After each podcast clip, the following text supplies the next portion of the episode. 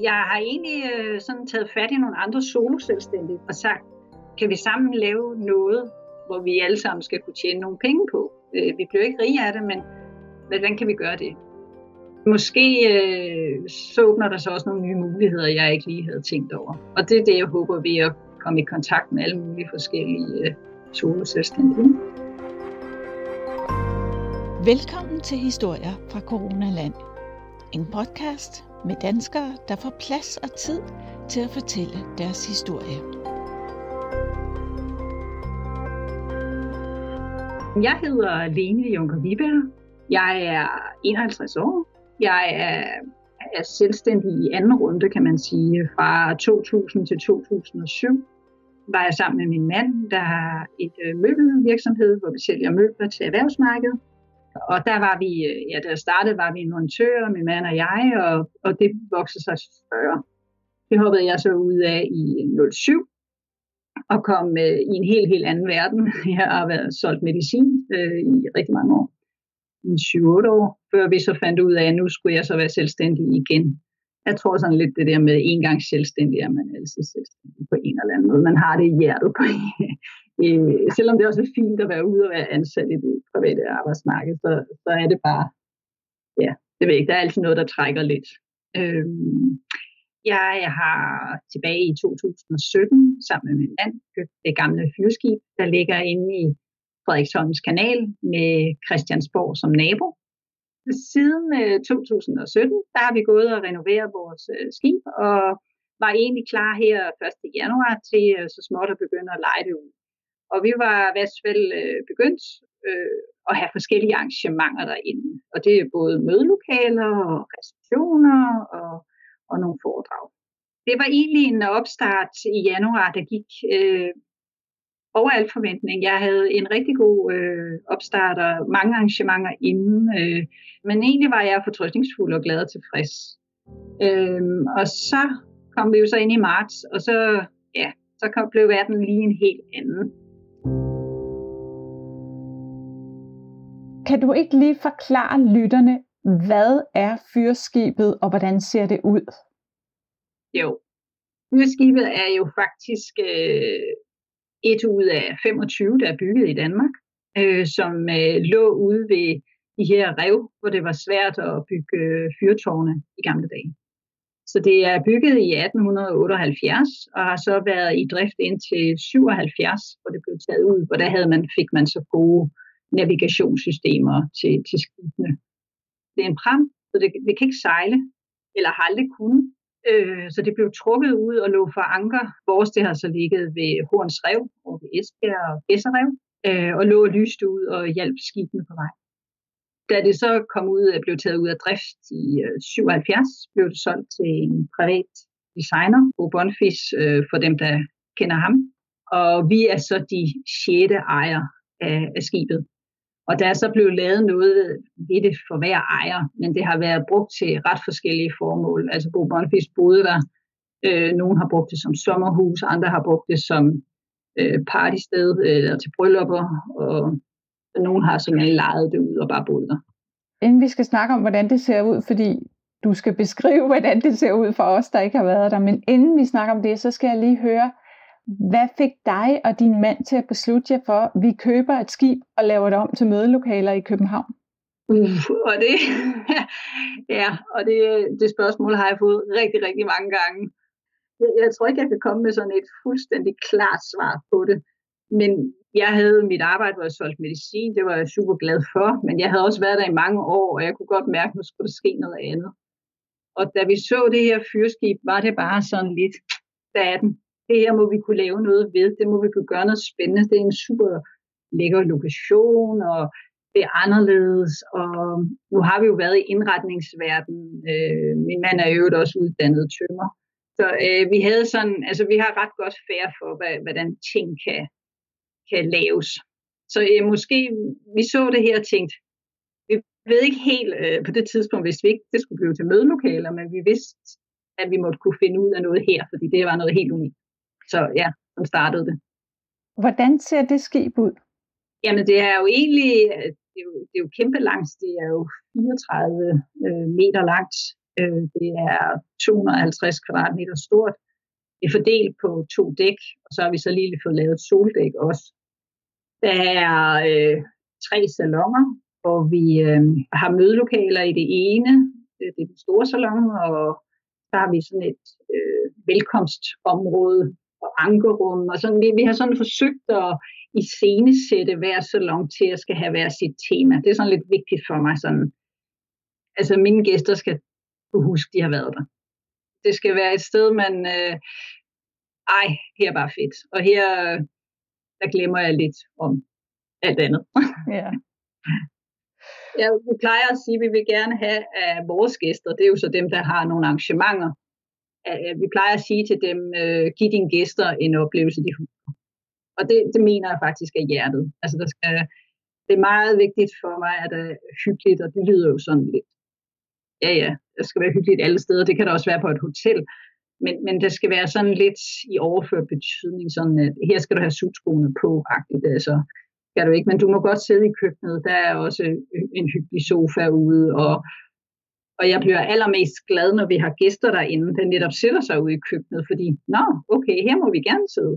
Og sådan, der, der er ikke noget privacy der. Øh, det, det er, man må bruge, man må bruge skibet og, og de hyggekrog, man nu har lyst til. Historier fra Coronaland. Danskernes historier fortalt i podcastform.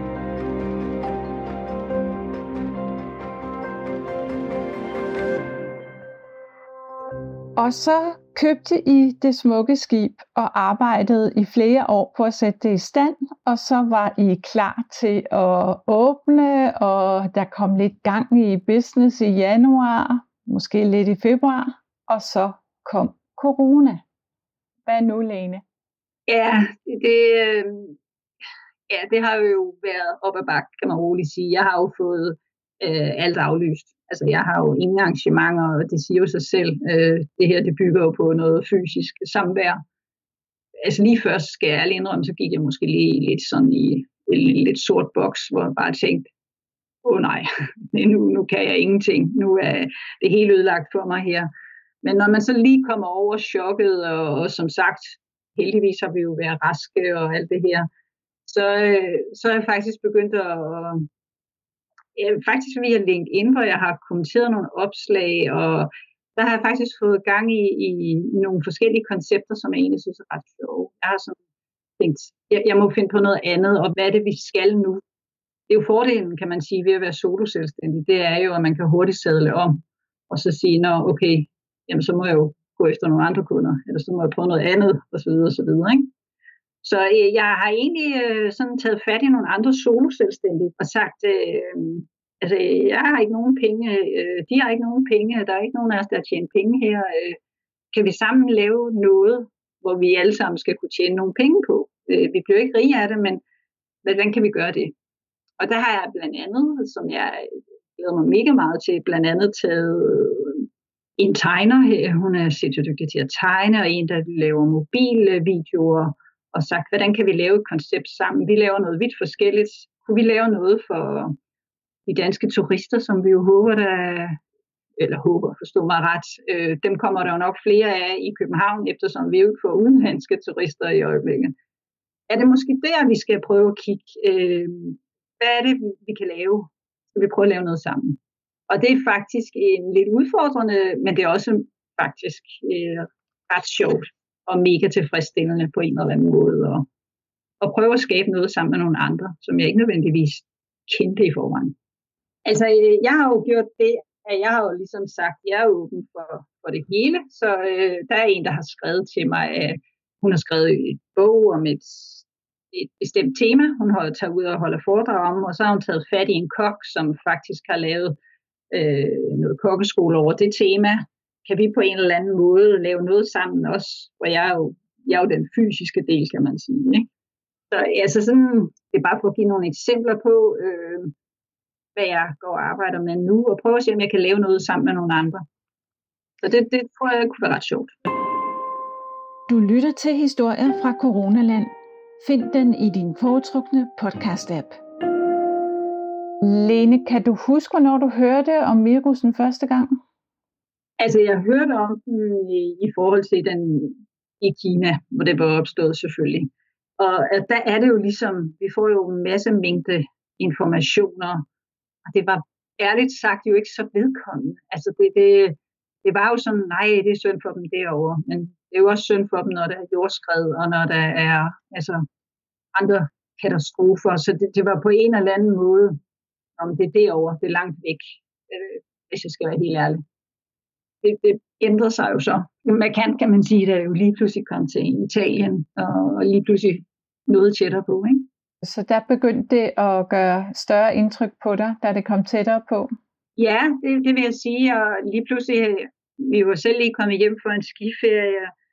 Min øh, søn på efterskolen var på skiferie i Østrig, og min datter var i øh, Slovenien på, med efterskolen også. Så lige pludselig var det jo, åh oh, nej, nu, nu sker der noget her. Så, så er verden jo sådan, så bliver det jo lige pludselig vedkommende. Og, ja. Kan du huske noget fra hele den her periode, som har gjort stort indtryk på dig? Ja, altså nu er jeg sådan rent personligt har jeg det været øh, øh, lidt trist også. Jeg har mistet min svigermor her den 20. marts, og det, man kan sige, det, det har selvfølgelig gjort stort indtryk. Det havde det også gjort, selvom det ikke havde været corona, det er med på. Men hele det her setup, der har været omkring det, hvor vi, hun lukker hospice, vi måtte ikke gå derind anden end to gangen og så videre. Det, det har været en meget speciel oplevelse for alle. Øh, det har været voldsomt, synes jeg, øh, begravelse, hvor man ikke må sidde sammen med at kramme nogen, man er ked af det sammen med, og så videre, og så videre. Det har været meget, meget øh, øh, specielt, og ikke nogen fed oplevelse overhovedet. Øh, hvis du så spørger mig øh, sådan mere generelt, så synes jeg faktisk, øh, jeg har oplevet af et respektfuldt dansker. Altså, jeg, jeg, jeg synes, vi er dygtige til, og det gør mig da egentlig glad på, på, på vores allesammens vegne om, at jeg synes, vi er meget respektfulde. Altså, det er jo helt naturligt nu, vi ikke giver hånd, når vi mødes. Det er helt naturligt, at vi spritter hænderne af, når vi går ind nogle steder. Vi er, jeg synes egentlig, vi alle sammen, øh, unge og gamle, er, er dygtige til det her. Til at, at, at respektere de her regler, det synes jeg. Jeg kondolerer med din svigermor, Lene. Ja, tak. Når alt det her er sagt, hvad giver dig trods alt så håb for fremtiden? Altså først og fremmest, så, så håber jeg, at vi alle sammen jo et eller andet sted har lært noget af alt det her. Altså jeg, jeg, jeg tror, hvis man ikke havde lukket ned for det her, jeg, jeg tror, det var en helt rigtig beslutning, vores regering gjorde, øh, og, og lukke ned, ned så bredt. Øh, jeg tror, at vi, at vi har svært ved at have respekteret det, hvis vi ikke havde gjort det. Altså fordi, nu skal I vaske hænder lidt grundigere. Ja, ja, ja, I vasker hænder. Altså det, det, nu skal I spritte af. Ja, ja. Men den her, det har jo virkelig gjort, at vi også gør det. Og det, det er jeg ikke sikker på, at vi nødvendigvis har, ville have reageret efter, hvis det ikke havde været så drastisk. Når du så spørger mig om, hvad der giver mig håb, så er det jo, at jeg, altså, vi, vi skal jo nok komme over det. Altså, det skal jo nok, altså, vi lever jo, og, og vi skal jo også huske at leve. Og øhm, for mit eget vedkommende og for virksomheden, hvis det er det, du spørger om, så, så er det, som jeg sagde tidligere, altså har, vi har jo et produkt bagefter os, men selvfølgelig lidt toft at køre det i gang igen, det, det er jeg med på, men øh, vi må tro på, at, at vi kan komme tilbage igen. Ikke?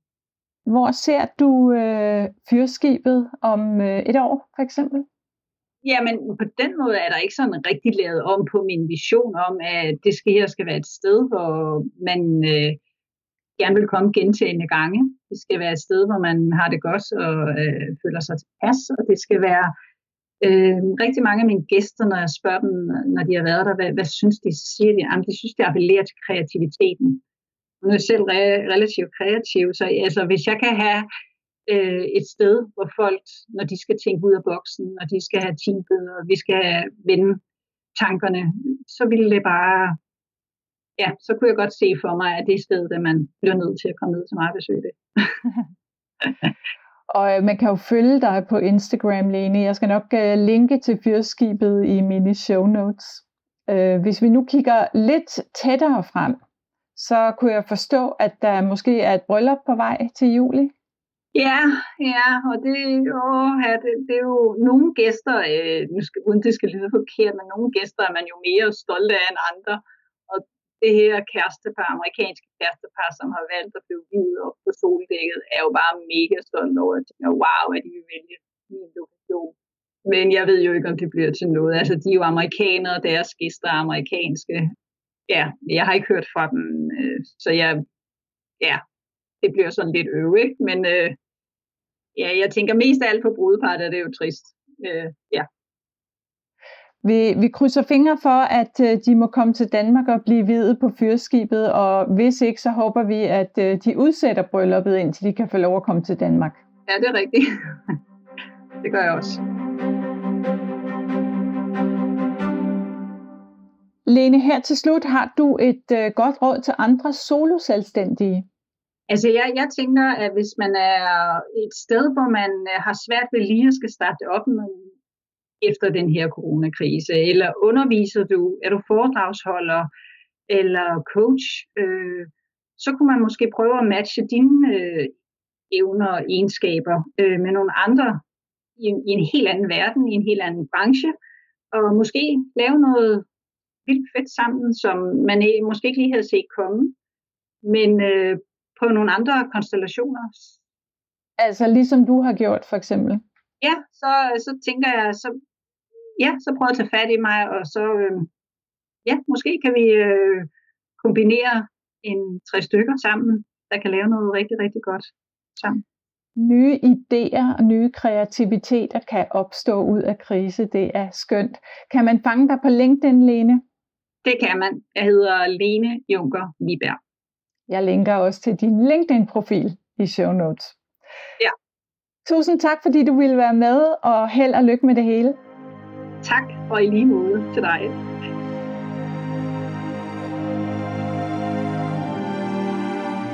Tak fordi du lyttede til historier fra Coronaland. Vil du støtte podcasten med et valgfrit beløb? Find historier fra Coronaland på sitet tier.dk, altså 10er.dk, og hjælp mig med at få formidlet flere gode historier fra danskere.